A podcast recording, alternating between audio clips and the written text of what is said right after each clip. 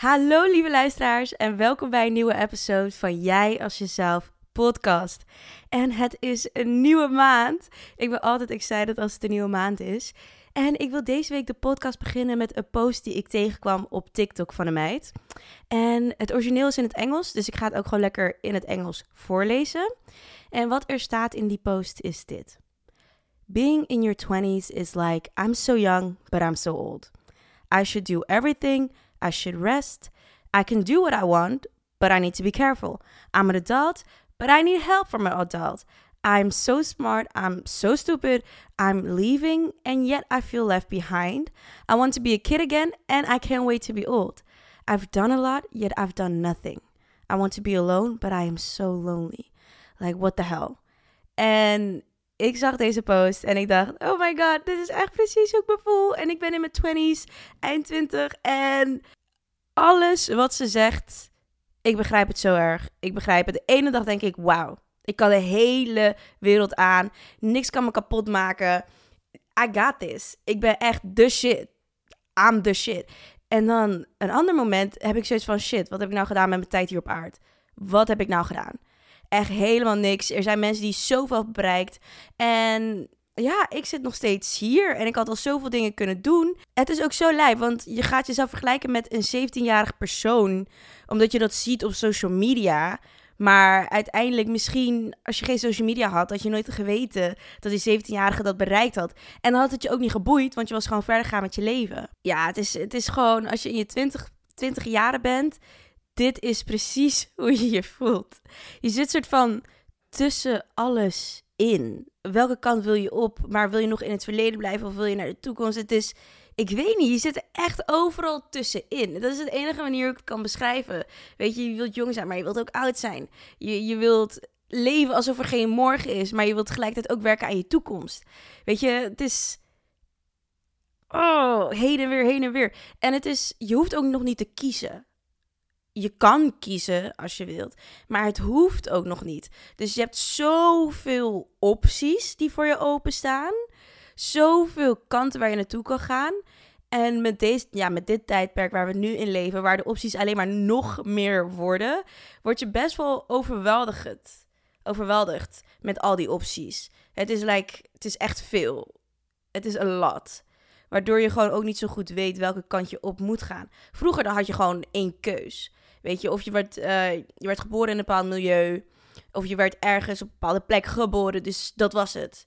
Dat was de kant die je opging. En dan had je een paar uitzonderingen van mensen die echt gewoon verder dachten dan dat ze op dat moment waren. En gewoon zoiets hadden van nee, dit is mogelijk, dus dat ga ik doen. En daardoor is de wereld zoals het nu is. Omdat al die mensen dat mogelijk hebben gemaakt voor heel veel andere mensen. Maar als je er dan zo over nadenkt, dan denk je, ach, ja, dit is echt hoe ik me voel in mijn twenties. Dit is precies hoe ik me voel. Alles uitproberen, alles, alles doen, maar eigenlijk ook net niet committed zijn tot één ding. En uiteindelijk toch wel kiezen voor één ding. Want dat is toch hetgene wat je het gelukkigst maakt. En ah, ja, ik wou dat gewoon even zeggen. Van je, je bent niet alleen in dat, uh, in dat aspect. Want er zijn heel veel mensen die dit gevoel hebben. Want die post is echt meer dan een miljoen keer geliked. dus uh, meer dan een miljoen mensen hebben hetzelfde gevoel als jij hebt. Als jij dit gevoel hebt. Dus ja, voel je daar niet onzeker over. Want er zijn veel meer mensen die dit gevoel ook hebben. En ja, en dit is eigenlijk niet waar ik de podcast over ga hebben vandaag. Want je ziet natuurlijk altijd al aan de titel en een paar woordjes en online. Want vandaag heb ik in de podcast de aanbieding Daddy Issues. Yeah, yeah, yeah, yeah. oh mijn god, jongens, echt explore niet. Maar dan gaan jullie achterkomen gaandeweg met alle podcasts. Ik moet zeggen, voel me al meer comfortabel hiermee. En dat is ook echt super fijn. Maar ja, let's get back to basics. Daddy issues. Of in andere woorden, um, ja, in mijn aspect dan, een vrouw met een vaderwond. Een persoon met een vaderwond. En heb ik daddy issues? Um, yes, 100%. I do. Um, ben ik daar trots op? Nee, maar it is what it is. Het is gewoon het leven. En ja, ik ben opgegroeid met een vader die niet echt actief was in mijn leven, kan ik wel zeggen. En mijn ma heeft eigenlijk basically voor ons gezorgd, voor mij gezorgd. Het enige wat ik me eigenlijk kan herinneren, waarbij mijn vader echt een soort keuze in had gemaakt, was dat uh, toen mijn zus en ik jonger waren. En uh, we mochten een sport uitkiezen, onze eerste sport hier in Nederland. Koos mijn vader een sport voor ons en hij koos voor tennis. Heb ik iets met tennis? Nee, niet per se. Maar hij koos dus voor tennis omdat hij hoopte dat mijn zus en ik net als Serena en Venus Williams zouden worden. Het is eigenlijk best schattig. het is eigenlijk best schattig dat hij ons op die sport heeft geplaatst. Omdat ik dacht van, oh, weet je, de, de twee donkere vrouwen die ik ook zie, de twee zwarte vrouwen die ik zie in deze community of in deze wereld die heel succesvol zijn, zijn twee zussen die sporten, die tennissers zijn. En dat wil ik ook voor mijn dochters. Dus als je er zo over nadenkt, is het eigenlijk echt heel. Is eigenlijk echt heel lief en, en, en bedoeld met echt een goed hart. Want hij wil gewoon dat wij ook succesvol worden in iets. En ja, dat is eigenlijk wel echt serieus het enige waarin hij een keuze heeft gemaakt in ons leven. En verder dan ook ja, ons disciplineren als we ja, staat waren geweest of wat dan ook. Dat is het enige. Um, ik weet namelijk dat hij nooit, hij is nooit naar een voorstelling van mij geweest. En ik heb zowel op de acteursopleiding voorstelling gespeeld als afgelopen jaren voorstelling gespeeld op school. Wat dan ook. Hij is nooit bij mijn diploma-uitreiking geweest. Hij heeft mijn ex-vriend, waar ik vijf jaar mee samen was, heeft hij nooit ontmoet. Hij heeft nooit meegemaakt dat ik mijn eerste film, um, die uitkwam waar ik in heb gespeeld, heeft hij waarschijnlijk ook nooit gezien. Um, zijn dit allemaal dingen die hij heeft gemist omdat het een keuze was of omdat hij op dat moment mentaal of fysiek uh, het niet bij kon zijn? Ik denk beide. Ik denk beide uiteindelijk heeft de persoon heeft zijn eigen issues. Ik denk dat hij zijn eigen issues heeft. Ik spreek hem helaas niet zo veel, eigenlijk op dit moment helemaal niet, om te weten wat die issues zijn. Maar van, van, de dingen die ik ooit heb gehoord, is het zo dat hij zijn eigen issues ook heeft. En ook heel veel is gewoon een keuze. Weet je, uiteindelijk, je kan ervoor kiezen als ouder zijnde om gewoon voor je kind er te zijn en voor te zorgen. Je hoort ook wel heel vaak, weet je, over relaties dan, of over if he wanted to, he would. En ik denk dat dat gezegde niet alleen geldt voor relaties. Ik denk dat het ook geldt voor ouders. Als je ouders echt dat zouden willen voor jou, dan zouden ze het voor elkaar krijgen. Want je hoort het vaak genoeg, ondanks de positie waarin je zit in je leven, dat ouders echt dingen voor hun kinderen hebben gedaan. Uh, net zoals het feit dat, ons, dat mijn ouders ervoor hebben gezorgd dat wij vanuit Rwanda toch hier in Nederland konden komen. Ze wouden het en ze hebben het voor elkaar gekregen dat is toch wel echt wel van, oké, if he wanted to, he would. En ik denk dat dat ook geldt voor een, ja, in dit geval mijn vader. Dat als hij het zou willen, dat hij het al lang had, had gedaan.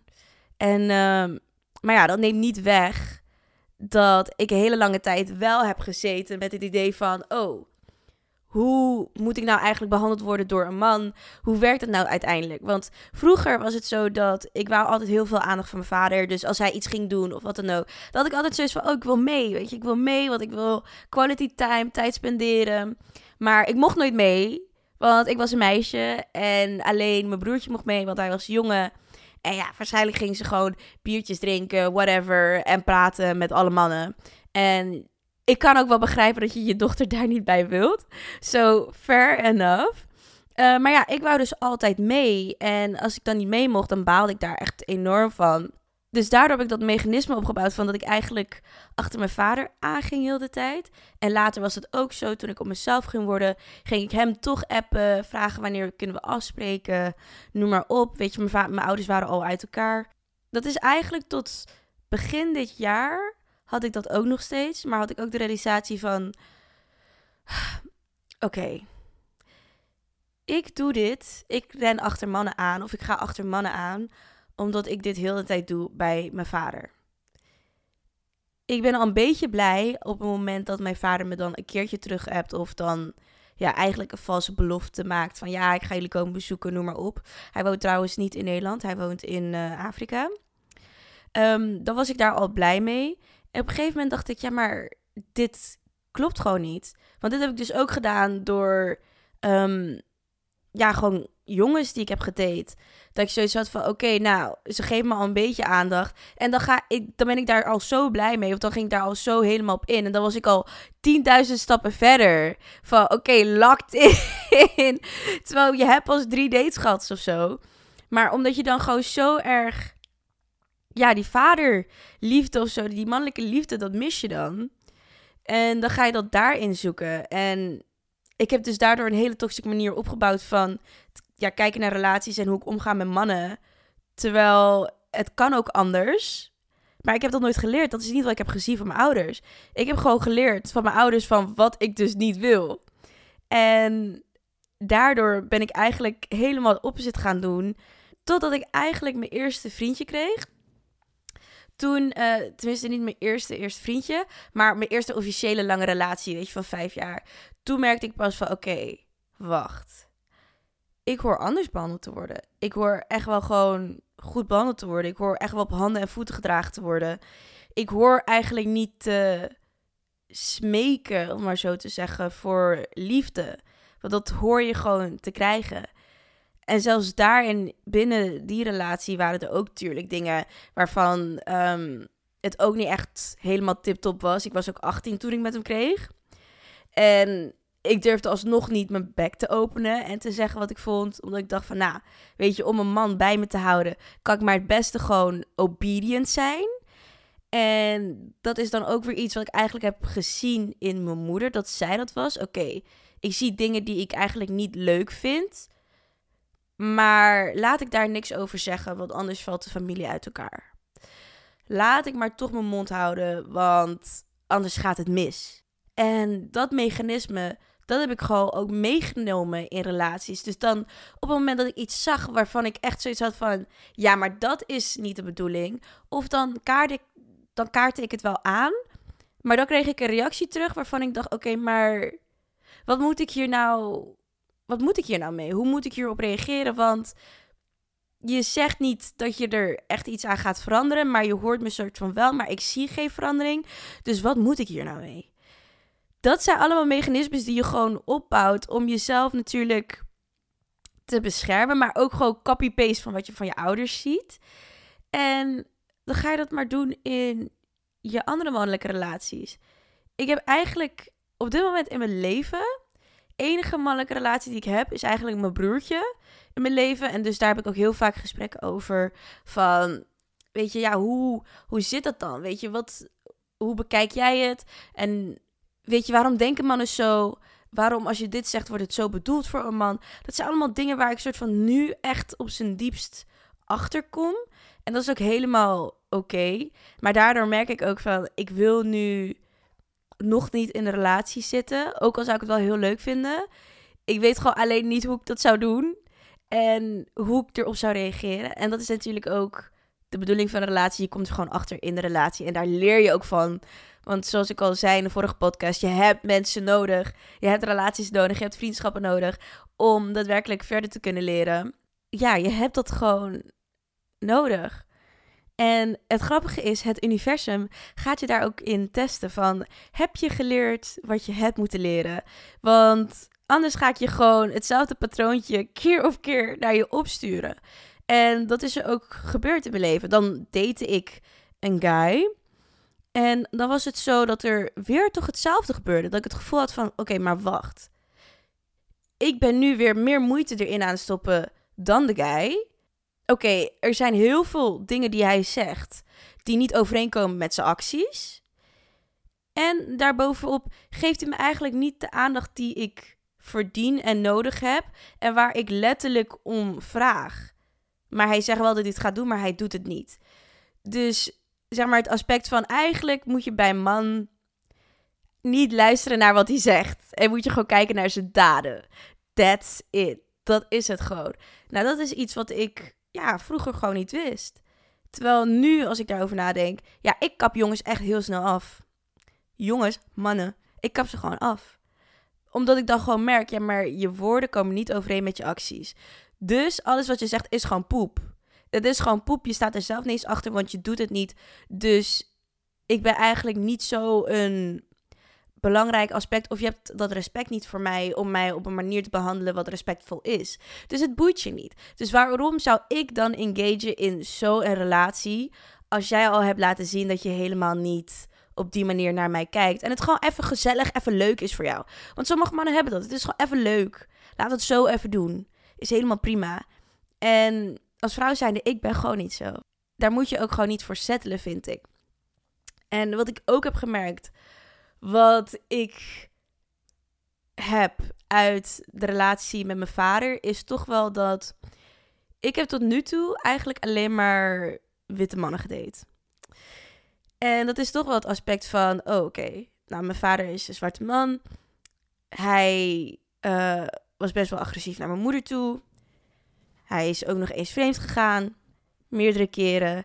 Um, heeft ook nog eens kinderen buiten het gezin, mijn gezin om, heeft hij ook overal en nergens kinderen. Wil ik zo'n man? En dat associeerde ik, associeer ik. Het is gewoon echt nog een battle die ik een beetje heb met mezelf. Ik denk dat je het ook wel hoort aan mijn stem, dat ik niet, dat ik niet zo heel goed weet hoe de woorden moet plaatsen daarin ook. Dat ik daardoor eigenlijk niet echt een zwarte man heb gedate, omdat ik zoiets heb van, oeh, maar ik wil niet dat dat bij mij gebeurt, want mijn vader was zo. Dus deed ik dan maar liever een veilige optie. Dan deed ik liever een witte man of een Latin man of noem maar op. Gewoon iets wat niet overeenkomt met het stigma wat ik dus dan heb op mijn vader. En op hoe hij zichzelf heeft gedragen en hoe hij interactie heeft gehad met mijn moeder. Want dat wil ik niet voor mezelf. Terwijl ik weet ook, ik ben me ook super bewust van het feit dat niet alle zwarte mannen zo zijn. En dat er ook genoeg witte mannen zijn die agressief zijn naar vrouwen toe of uh, vreemd gaan en noem maar op. En toch, als jong meisje, is dat bij me gebleven. En merk ik dat ik dat nu ook lastig vind om uh, een zwarte man te daten. En misschien is het ook mijn energie die daarin heel erg is van. Gezondheid. Um, dat mijn energie ook een beetje dat laat merken aan andere zwarte mannen. Van ik weet niet zo goed wat ik met jou moet, dus blijf uit mijn buurt. En tegelijkertijd ook bang zijn misschien voor de afwijzing van de zwarte man. Want straks ben ik toch niet goed genoeg of zo voor, voor jou. En wil jij dus daarom ook niet bij mij blijven? En dat is toch wel het idee wat ik heb gekregen bij mijn vader. Van oké, dus ik ben niet goed genoeg voor jou. Dus je verhuist helemaal naar de andere kant van de wereld. Omdat je eigen kids niet wil zien. Of omdat je er niet om geeft. En je neemt ook gewoon bijna geen contact met ons op. Pas op het moment dat je eigenlijk iets aan ons wil vragen of iets wil weten.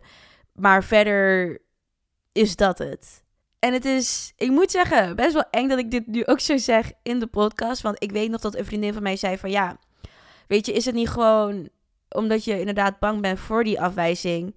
Maar ook omdat je dat idee hebt van vroeger. En dat is zeker waar. En dus het is ook, denk ik, een van de redenen waarom ik het nog zo eng vind om te daten. Maar ook tegelijkertijd omdat ik ook niet dingen wil aanplakken op iemands ras of wat dan ook. Het zou niet moeten boeien. Maar ergens heb ik wel die wond. Baseer ik soms wel mijn gedrag daarop. En doe ik bepaalde dingen ook daarop. En het leuke dan nu is dat ik... Ik zit in een musical. Waarbij um, de cast is gewoon uh, bijna fully black. Dus ik ben omringd met heel veel zwarte mannen die eigenlijk echt hele goede mannen zijn. Waar ik echt super leuke gesprekken mee heb. Die heel erg van wat ik zie dedicated zijn naar hun relatie. Zorg voor hun kids. Echt tijd maken voor ze. En dan denk ik, oh, maar zo kan het ook. En dan merk ik nu weer van, oh, ik word een beetje emotioneel. Omdat ik merk van, oh, het is echt, als hij het wou, dan zou hij het doen. En tegelijkertijd kan je dan daarop een vader niet blamen dat hij dat niet kan. Want dan heeft hij gewoon zijn eigen issues. En ja, dan is dat zo. Maar het kan dus wel anders. En ik vind het zo mooi om te zien dat het anders kan. En daardoor merk ik ook dat het bij mij een soort van iets open gaat. Waardoor ik merk van, hmm, oké, ja, ik wil de zwarte man ook echt wel de kans geven. Want het heeft, niet, het heeft gewoon te maken met de eigen wond die ik heb. Daardoor duw ik het van me weg. Maar nu zie ik dat het wel gewoon kan. Al is de persoon waarmee ik uiteindelijk eindig niet zwart, maar dat ik niet meer die wond binnen in mezelf heb. Het houdt je toch, het weerhoudt je toch wel om gewoon niet alleen maar naar iemands ras te kijken, maar gewoon echt naar hoe iemand is. En ik heb natuurlijk ook wel gekeken naar hoe iemand is, maar ook wel naar het aspect vroeger van, oké, maar het liefst eigenlijk geen zwarte man, want misschien gaat hij dit en dit en dit doen later bij mij. Jeetje. Mijn podcasts worden steeds, uh, nou, ik wil niet zeggen heftiger en heftiger, maar ik merk dat ik steeds meer kwetsbaarder word. Wat ik echt heel fijn vind. Want dat is eigenlijk in eerste instantie waarom ik de podcast ook ben begonnen. Ik wil kwetsbaarder zijn. Het voelt wel heftig aan om over dit onderwerp te spreken. Omdat ik het gewoon nooit heb over mijn vader. Terwijl het best wel. Ja, het is zo'n bijzondere, belangrijke persoon in je leven. Maar die is er eigenlijk niet. Maar het vormt je ook weer wel. Zijn aanwezigheid of zijn afwezigheid vormt je wel. Naar de dingen die je zegt, doet, tenminste hoe je jezelf, um, hoe je jezelf draagt in de wereld. En nu is het gewoon aan jezelf om hier bewust van te zijn. En te denken van, oké, heb ik daddy issues? En wat voor daddy issues heb ik dan? En hoe vertaalt het zich naar andere mannen in mijn leven? En waarom heb ik die issues? hoe is dat allemaal ontstaan? En nu ik dat zo door heb, kan ik er daadwerkelijk werk van maken? Kan ik aan mezelf werken? Kan ik de bewustzijn opbouwen voor mezelf van oké, dit is dus waarom ik sneller daarnaar kijk dan naar het ene, omdat ik iets anders aan het vermijden ben of wat dan ook. Dat is wat ik jullie mee wil geven in deze episode van Daddy Issues. Oh, misschien ga ik gewoon een eigen jingle maken en verander ik de jingle die ik nu heb. Maar ja, en voordat ik de podcast eindig, jongens, Geef me even een, um, een, review. Geef me een sterretje. Het liefst natuurlijk een vijf sterren als je geniet van mijn podcast. Um, heb je minder sterretjes? Doe maar geen sterretjes sturen. Stuur me dan gewoon lekker een DM'tje op TikTok of op Insta. Met wat feedback. Wat je anders zou willen horen. Wat je zou willen horen. En voor de volgende episode van de podcast wil ik het weer beginnen met een post die ik tegenkom op TikTok of op Instagram. Maar heb jij zoiets van: oh, ik heb eigenlijk een vraag voor jou. En ik weet niet zo goed hoe ik mee om moet gaan. Of je zei in de podcast, zei je dit. En wat bedoel je daar nou mee? Let me know. En dan zal ik in de volgende podcast zal ik beginnen met het beantwoorden van die vraag of die vragen. En dan kunnen we daar een beetje over hebben. En let's have a real conversation. Gewoon een echt gesprek hebben. Ja, zoals ik al zei, slijt in de DM's met je vragen, opmerkingen, TikTok of op Instagram. Dan spreek ik jullie volgende week. Doei!